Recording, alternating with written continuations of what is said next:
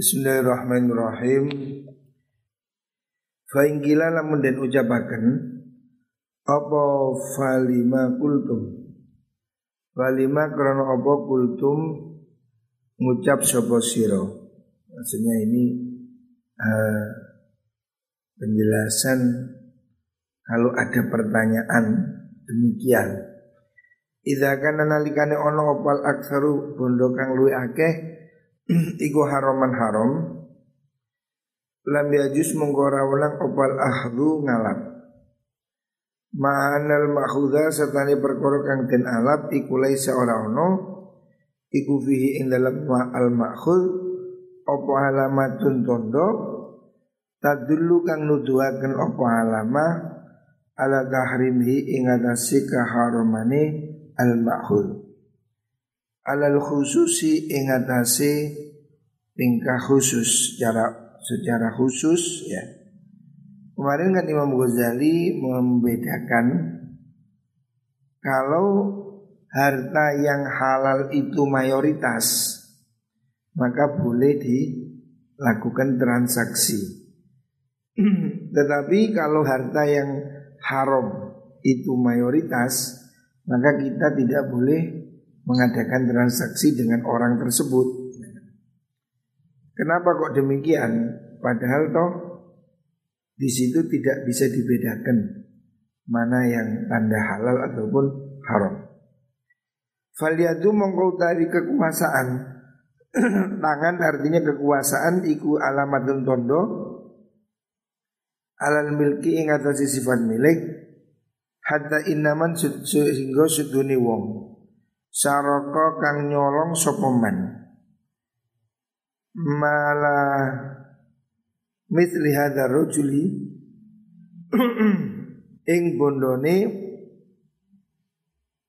padane iki wong lanang iku kuti adin potong obo yaduhu tangane menggunung hadar rojul maksudnya hadar rojul sing karena aksaru malihi haram Wal kasratu utai ake iku tujibu netepaken apa mengkono kasrah Kalau memang harta haram itu banyak Netepaken zonan ing penyono mursalan kang dencolaken Artinya itu sulit dibedakan.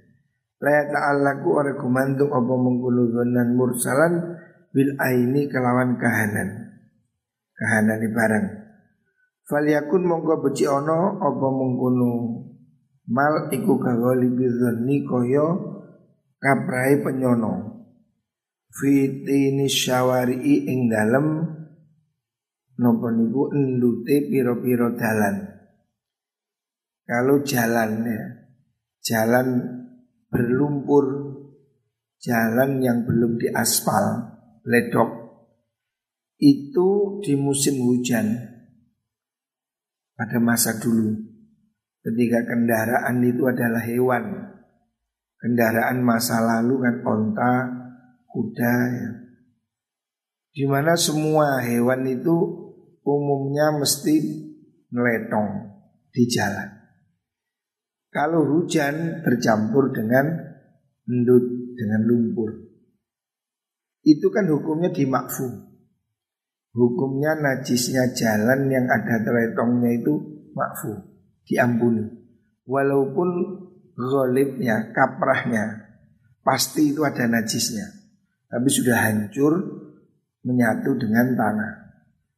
Nah, dalam kasus seperti itu, najis dengan lumpur bercampur itu kan dimakfu, dianggap suci, tidak najis. Kenapa kok tidak disamakan dengan itu? Umpamanya ada pertanyaan nakal. Orang yang hartanya mayoritas haram itu kan Imam Ghazali melarang untuk diajak bertransaksi baik itu jual beli ataupun pemberian. Kenapa kok nggak disamakan dengan masalah lumpur yang campur antara najis dengan tidak najis? Wa ghalibi lan kaprai penyono fil ikhtilati dalam campur bi ghairi maksurin kelan perkara kang ora kena den itung. Idza kana lamun ono pal malu al aksaru bondo kang luwe akeh huwai aksar iku al haram haram. Kenapa tidak begitu? Wala yajuzu ora kena ora wenang apa yustadalla yen den gawe dalil ala hadza ing ikilah perkara aksarul mal haram niku bi umumi qaulihi kan umume dawuh Rasulullah sallallahu alaihi wasallam. Rubani dak ma yuribuka ila ma la yuribuk. Dak tinggal sira mak ing perkara yuribuka. Kang mamangang mamangaken apa maka ing sira. Kenapa kalau dalam kasus seperti ini ya? Artinya Imam Ghazali seandainya ada orang menyoal kenapa kalau harta seseorang bercampur halal haram. Ini kok harus masih ada hukum-hukum yang berbeda. Sedangkan tanah yang bercampur teletong itu dimakfu. Kenapa kok masih dibedakan seperti itu? Ya. Li'annahu kerasudina mengkono iku maksusun tertentu Biba'dil mawadhi kalian sebagian ini piro-piro panggonan Bil ittifaqi kalian sepakati ulama' Kenapa kok dalil masalah keraguan masih dipakai di sini? Padahal itu kan tempatnya beda. Wahwa utai mengkono maudi niku tempat pelaks apa peneterapan hadis keraguan itu iku ayuri bau yang kemamangaken ing ing mal hu ing wong bi alamatin kelawan tondo fi ainil milki ing dalam kahanane milik sesuatu yang ragu itu kalau ada tanda, kalau nggak ada kan nggak ada ragu. Bidali di ikhtilatil khalili kelawan dalil campuri bondo kang stiti Bighairil mahsuri kelawan perkara kang ora kena den itung. Wa inna dzalika sedune mengkono-mengkono ikhtilat iku yujibun netepaken apa dzalik raibatan ing kemamangan. Wa ma'adzalika lan sertane mengkono yujibul ikhtilat napa niku uh, yujibul raibah niku qadaktum netepaken sira kabeh kamu memastikan bi annahu kan sunan mal iku la yahrumu ora haram apa mal. Jadi Imam Ghazali ini menerangkannya sangat luas ya, sangat gamblang. Setelah penjelasan masih diberi tanya jawab. Nah ini tanya jawab secara imajiner. Seandainya ada orang bertanya begini, kenapa kok hukumnya begini? Kan kemarin Imam Ghazali me membagi ya, kalau harta campur halal haram itu dilihat kasusnya. Kalau halalnya lebih banyak, haramnya lebih sedikit, maka tidak dilarang melakukan transaksi dengan pemilik harta itu. Tetapi kalau 50-50 maka itu diragukan sebaiknya dihindari. Tapi kalau haramnya lebih banyak harus ditabayun, harus diperjelas, ditanyakan dan tidak boleh sembrono. Mengapa kok kasus ini dibeda-bedakan? Seandainya ada orang membantah Toh orang yang hartanya mayoritas haram itu kan tidak jelas juga yang haram yang mana. Makanya kenapa masih dibatasi? Kalau ada pertanyaan demikian, jawabnya fal jawabu te jawabane iku annal yada kekuasaan. Dan kalau orang berargumen benda itu kalau dipegang ya, dimiliki seseorang itu kan indikasi itu milik dia. Ini handphone dalam kekuasaan saya. Namanya yap dalam fikih istilahnya yap kekuasaan handphone ini karena saya pegang ini menunjukkan ini milik saya. Sebab apa? Kekuasaan handphone ini ada di tangan saya. Lah, kalau ada orang mencuri handphone ini dari saya, maka dia dihukum. Kalau dulu hukum potong tangan. Berarti bantahannya begini. Itu kan berarti sudah miliknya dia. Kenapa kok masih harus dipilah-pilah? Harta yang mayoritas haram, mayoritas halal. Kalau ada ditanyakan demikian, jawabannya bahwa kekuasaan artinya saya menguasai benda itu dilalahnya ikut dilalatun dilalah loifatun kang loif dilalah kepemilikan itu tidak mutlak. Kal istishabi kaya hukum istishab. Wa inna ma tu'siru angin pestine ngelabeti apa mengkono yad. Idza salimat nalikane selamat apa mengkono aliyat min ma'arido saking an ma'arido saking piro-piro perkara kang melawani wawiyen kang kuat. Benda ini saya kuasai menunjukkan milik saya betul tetapi selama tidak ada perlawanan dari orang lain. Kalau ada tuntutan berarti ini kekuatannya saya miliki benda ini masih dipertanyakan. Artinya tidak bisa kemudian dijadikan dalil seorang koruptor, seorang maling itu kalau sudah menguasai benda itu benda pasti miliknya. Tidak bisa dijadikan dalil demikian. Sebab kalau seorang koruptor, seorang maling itu mencuri Walaupun dia menguasai benda Tapi benda itu dimiliki dengan tidak sah. Artinya toh itu akan dirampas oleh hukum, oleh negara. Makanya menguasai belum tentu memiliki. Ini argumen yang pertama dari Imam Ghazali. Tahakokna nalikane nyata akan kita al ikhtilato ing percampuran. Wa tahaqqaqna lan akan kita annal haram maksudnya bondo haram. Al mukhalito kang nyampuri iku maujudun maujud fil hali ing dalam sanalika terus wal malu te bondo iku ghairu khalin ora sepi anhu saking mengkono haram. Wa tahaqqaqna lan akan kita annal aksarus kang luwi akeh wa aksar ikwal haram haram Wadhali kau teh mengkono mengkono aksar wal haram Iku fi haki syaksin in dalam haki wong suici Muayyanin kang tertentu Ya kerubu kang parak opo maluhu pondoni mengkono syakhs. Minal hasri sangking kenoden itung. Yo doharo jawabnya doharo mongko pertelo Opo wujubul i'radi wajib mengu an muqtadul yadi saking patrapane kekuasaan. Kalau orang itu menguasai benda, tetapi kenyataannya bendanya mayoritas haram, maka berarti kekuasaan dia ini tidak sempurna, sebab dia menguasai barang milik orang lain.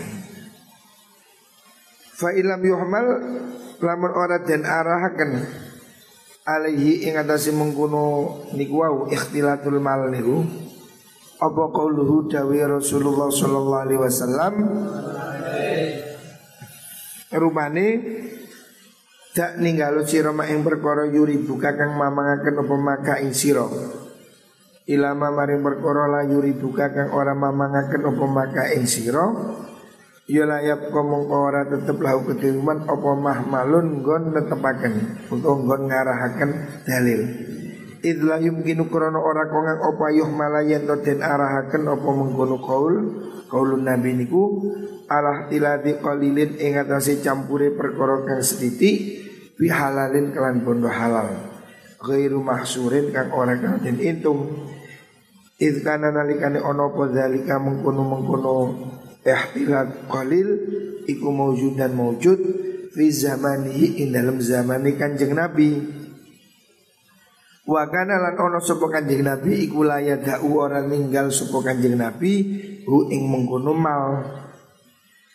Kalau ada orang membantah tentang dalil bahwa Nabi menyuruh meninggalkan hal yang meragukan. Sedangkan harta ini kalau di tangan seseorang tidak ada indikasi berarti tidak ada keraguan. Kalau orang membantah demikian maka Imam Ghazali menjawab dalil ini tidak bisa diterapkan begitu. Kalau harta itu mayoritas haram maka berarti itu sudah menimbulkan keraguan. Berarti sudah berlaku dalil tinggalkan sesuatu yang meragukan. Tetapi kalau harta yang haram itu sedikit Sebagaimana pada zaman Rasulullah Shallallahu Alaihi Wasallam, pada zaman Nabi itu sudah ada harta haram di pasar sudah campur, tapi minoritas, maka hukumnya dianggap ini sesuatu yang sedikit, sehingga transaksi bisa berjalan dengan biasa. Tetapi kalau yang haram itu mayoritas, nah ini menimbulkan keraguan, makanya harus dibatasi. Wahamlu utawi ngarahaken mengkono hadis. Alat tanzihi ing atase makna tanzih artinya tidak sampai haram tapi cuma makruh tanzih iku sorfun menggoaken. Lahu maring mengkono hadis an saking zahiri hadis. Bi kiasin kelantan bukias fa inna tahrima hadza sutune harame ikilah mengkono ikhtilat mal haram niku iku ghairu baidin ora atau an kiasil muamalatis alamati an kiasil alamati. Sangking kiasi piro-piro tondo. Tondo tondo ini barang kang haram niku. Tondo ini apa tadi? Ikhtilatul haram. Wal istishabilan hukum istishab wa walil kasrotilan iku kedue perkara kang akeh. Kalau benda yang lebih banyak itu mempengaruhi hukum ya. Taksirun ngelapeti fi tahqiqi dzanti ing dalem nyatakaken penyono. Kalau harta haram itu banyak maka dugaan ini menjadi kuat. Kenapa Imam Ghazali memberi batasan kalau seseorang itu harta haramnya mayoritas Dia itu adalah rentenir. 90% hartanya rentenir 10% tani. Orang yang seperti itu oleh Imam Ghazali tidak boleh kita lakukan transaksi dengan mereka. Kenapa? Sebab hartanya mayoritas haram.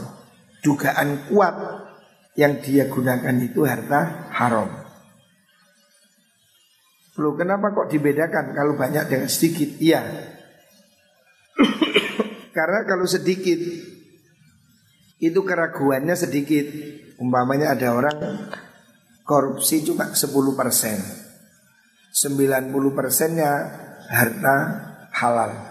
Lah orang yang seperti itu Kemungkinannya kan satu banding sembilan. Artinya kalau kita menerima pemberian dia ada bandar nokel memberi kamu air ini. Kalau hartanya mayoritas halal, ini boleh kita ambil. Karena apa? Kemungkinan besar ini harta yang halal. Tapi kalau harta dia 95% haram, kita tidak boleh menerima pemberian dia. Karena apa? Kita menduga keras ini hasil haram. Beda memang sedikit dengan banyak. Imam Ghazali bersikukuh seperti ini. Waktu tamaat teman-teman kumpul apa mengkuno alamah wal istishab Hatta kala sehingga dawu sebuah Imam Abu Hanifah radhiyallahu an La nastahidu ora istihad kita Fil awani ing dalam piro-piro wadah Illa idha kana angin nalikane ono. Opo al aksaru perkara kang opo at-tahiru? Perkara kang suci iku al aksaru kang luwe akeh. Maksudnya menurut Abu Hanifah kalau terjadi keraguan ada 10 botol yang sembilan suci yang satu najis. Maka ini baru boleh dilakukan ijtihad milih salah satu yang diyakini suci karena yang suci lebih banyak. Tapi kalau ada sembilan botol yang satu suci yang sembilan najis tidak bisa dipilih. Kalau tidak ada tanda, karena apa? Mayoritas pilihan ini pasti salah. Waman utai sapani wong iku kolang ucap sopoman. Ya hudu kena ngalap sopo wong ayya aniyatin eng endi endine wadah Iku aroda ngarepaken sapa wong bila jihadin aroda ngarepaken sapa wong. Maksudnya bila jihadin kelantan istihad binaan krono nerusaken ala mujarodil istishabi. Ingat asim murni hukum istishab iku faya, eh, faya juzu monggo dadi wenang apa surbu yo nginum.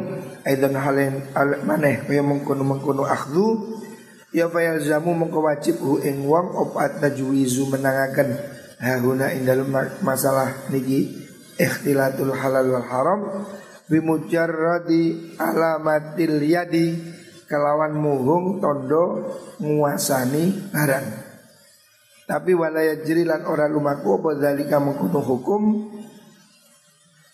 Fi baulin ing dalam uyuh kencing istabah kang serupa apa mengkuno baul bimain kelawan banyu. Idlah istishaba karena orang orang hukum istishab iku maujud fi dalam baul. Wala nutridu lan orang laku akan ingsun hu ing mengkono hukum aidon halimane fi dia? Maitatin ing dalam bangkai badang istabahat kang surupa pemaitah kiyatin kelawan hewan kang den sembelih. Idla istishaba krono orang hukum istishab iku maujud fil maitati ing dalam badang Maksudnya begini. Di dalam fikih bab toharoh ya, itu ada yang namanya hukum istishab. Air ini kalau asalnya suci, terus ada keraguan, kayaknya ragu ya, kayaknya tadi kena najis, maka hukumnya tetap suci. Karena apa? Istishab hukum asalnya adalah suci. Itu namanya hukum asal atau istishab. Lah, di dalam soal harta yang campur haram, menurut Imam Ghazali tidak bisa berlaku seperti itu. Istishab itu memang berlaku, tapi kasusnya beda. Seperti begini. Kamu tadi sudah wudhu, terus kamu ragu, saya sudah batal apa belum? maka keraguanmu itu tidak membatalkan wudhu. Karena apa? Asalnya kamu yakin sudah wudhu. Berarti ini namanya istishab. Kembali hukum yang pertama. Kamu tadi umpamanya sudah wudhu apa belum? Berarti belum. Karena apa? Asalnya kan belum wudhu. Wudhunya belum atau sudah? Berarti belum. Asalnya belum. Tapi kalau yakin sudah wudhu Sudah batal apa belum? Belum Karena apa? Yakinnya wudhu Jadi yang ragu Tidak bisa mengalahkan yang yakin Ini disebut dengan hukum istishab Tetapi kalau dalam soal pencampuran harta halal dan haram Tidak bisa berlaku hukum seperti itu Ini bangkai Ini ayam disembelih Seandainya dua bang dua ayam disembelih bangkai. Ini kalau dikecil-kecil dari situ semuanya haram. Tidak boleh istishab lu asalnya yang ini kan asalnya ini kan halal, tidak bisa. Karena apa? Ini asalnya haram. Kalau dicampur tidak bisa dibedakan haram semua. Ya. Sebab apa? Asalnya bukan halal, ini asalnya haram. Gitu. Campur dengan yang asalnya halal. Di sini kan ada hukum istishab. Ini memang asalnya halal. Ini asalnya haram. Tapi kalau sudah dicampur, istishabnya nggak berlaku. Sebab apa? Di sini sudah percampuran satu halal satu haram tidak bisa dibedakan. Maka haram semua. Sama dengan kalau kamu ragu, ini air kencing, ini air minum. Lupa yang mana yang air kencing persis podo beninge. Dua-duanya tidak boleh diminum. Karena apa? Ini pasti salah satunya najis. Loh, asalnya kan suci.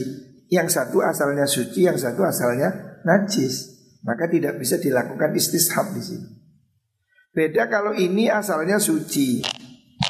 Diragukan. Tadi najis apa enggak? Loh ini istishab, asalnya suci tetap suci. Jadi beda masalah istisab dalam toharo dengan masalah ikhtilatul mal halal dan haram. Ini harus dibedakan. Menurut Imam Ghazali begitu. Wal yaitu kekuasaan atas suatu benda ikulah dulu orang nuduhaken apa niat ala annau ing atas ini mengkuno mengkuno al makhud iku ghairu maitatin sak liyane bangkai kalau dicampur ya. Wadatul lan nuduhaken fitu ami ing dalam panganan al mubah kang mubah ala annau sudah mengutuam iku milkun dan miliki Nah, walaupun itu dimiliki orang tapi hukumnya tadi campuran hal haram menjadi semuanya haram. Fahaula dalam kini panggonan arba umut aliqatin utai papat piro-piro hubungan. Di sini ada empat apa kaitan masalah hukum. Rupanya istishab hukum istishab wakilatun lan hukum setitik fil mahluti ing dalam kang ten campur au kasrotun atau akeh. Ini beda hukum banyak atau sedikit. Yang ketiga wan khisorun lan dadi kaitung jumlah terbatas awit tisaun utawa jembar sangat luas fil mahluti dalam perkara kang campur. Ini kasus-kasus ini beda. Wa alamatun lan tondo khosotun kang tertentu fi aini sayi dalam kahanani suwici-wici. Ya dah lakukan gumantung pihak kelan mengkuno mengkuno alamah opol al istihadu istihad. Faman mengkuti sapana iku yaghfiru lali sopaman An majmu'il arbaati saking kumpulane iki apa-apa. Di dalam masalah subhat itu ada empat pertimbangan itu Yang semuanya harus difahami. Kalau tidak faham ini ya sulit atau keliru ya. Harus difahami ya, tentang mana yang boleh istishab Bagaimana percampurannya sedikit atau banyak Bagaimana harta itu banyak apa jumlahnya sedikit atau tidak terhitung ada tanda atau tidak ada tanda. Ini empat hal yang menjadi pembeda dalam kasus subhat. Kalau orang tidak mengenali empat tanda ini, maka dia akan keliru dalam menetapkan hukum subhat. Faman amuni ah, yakfulu an matmil arba'ah ya rubama yaghlutu monggo terkadang keliru sapa wong fayusbihu monggo nyerupa nyerupaken sapa wong ba'dal masaila ing ba'dal masaili ing sebagian piro-piro masalah uh, dan serupakan bima klan berkoro la yusbihu kang orang nyerupani opo ma hu ing ba'dul masail. Nah, jadi pembahasan ini memang cukup panjang ya. Imam Ghazali ini memang mendetail sekali ya. Sampai beberapa bab itu masih bab halal haram ini sangat panjang sekali. Sengaja memang Imam Ghazali itu melakukan pembahasan yang sedemikian rupa supaya kita ini bisa memahami secara utuh. Banyak orang yang keliru dalam apa mengambil hukum. Contoh dalam masalah halal haram, dalam masalah subhat. Sebab dia tidak menguasai beberapa kata kuncinya. Nah, Imam Ghazali ini menguraikan kata kuncinya seperti itu. Makanya kita harus berusaha memahami. Jadi kitab Ihya ini kitab yang bermutu tinggi. Ini masterpiece, karya besar. Jadi ini kitab yang merupakan apa? Merupakan karya yang sangat luar biasa. Pembahasannya mendalam dan sangat mumpuni. Makanya orang jadi kiai harus ngaji Ihya. Ayah saya dulu bilang begitu. Kalau kiai belum ngaji Ihya itu belum sah. Malam ya'rifil ihya laisa lahu haya. Orang yang belum ngaji ihya itu enggak punya malu. Ada pengetahuannya itu masih dianggap mentah. Makanya ya kesempatan ini kita ngaji ya mampu-mampu nih. Kamu harus berusaha memahami. Minimal ya ngertilah ya. Muka-muka manfaat. Amin Allahumma amin.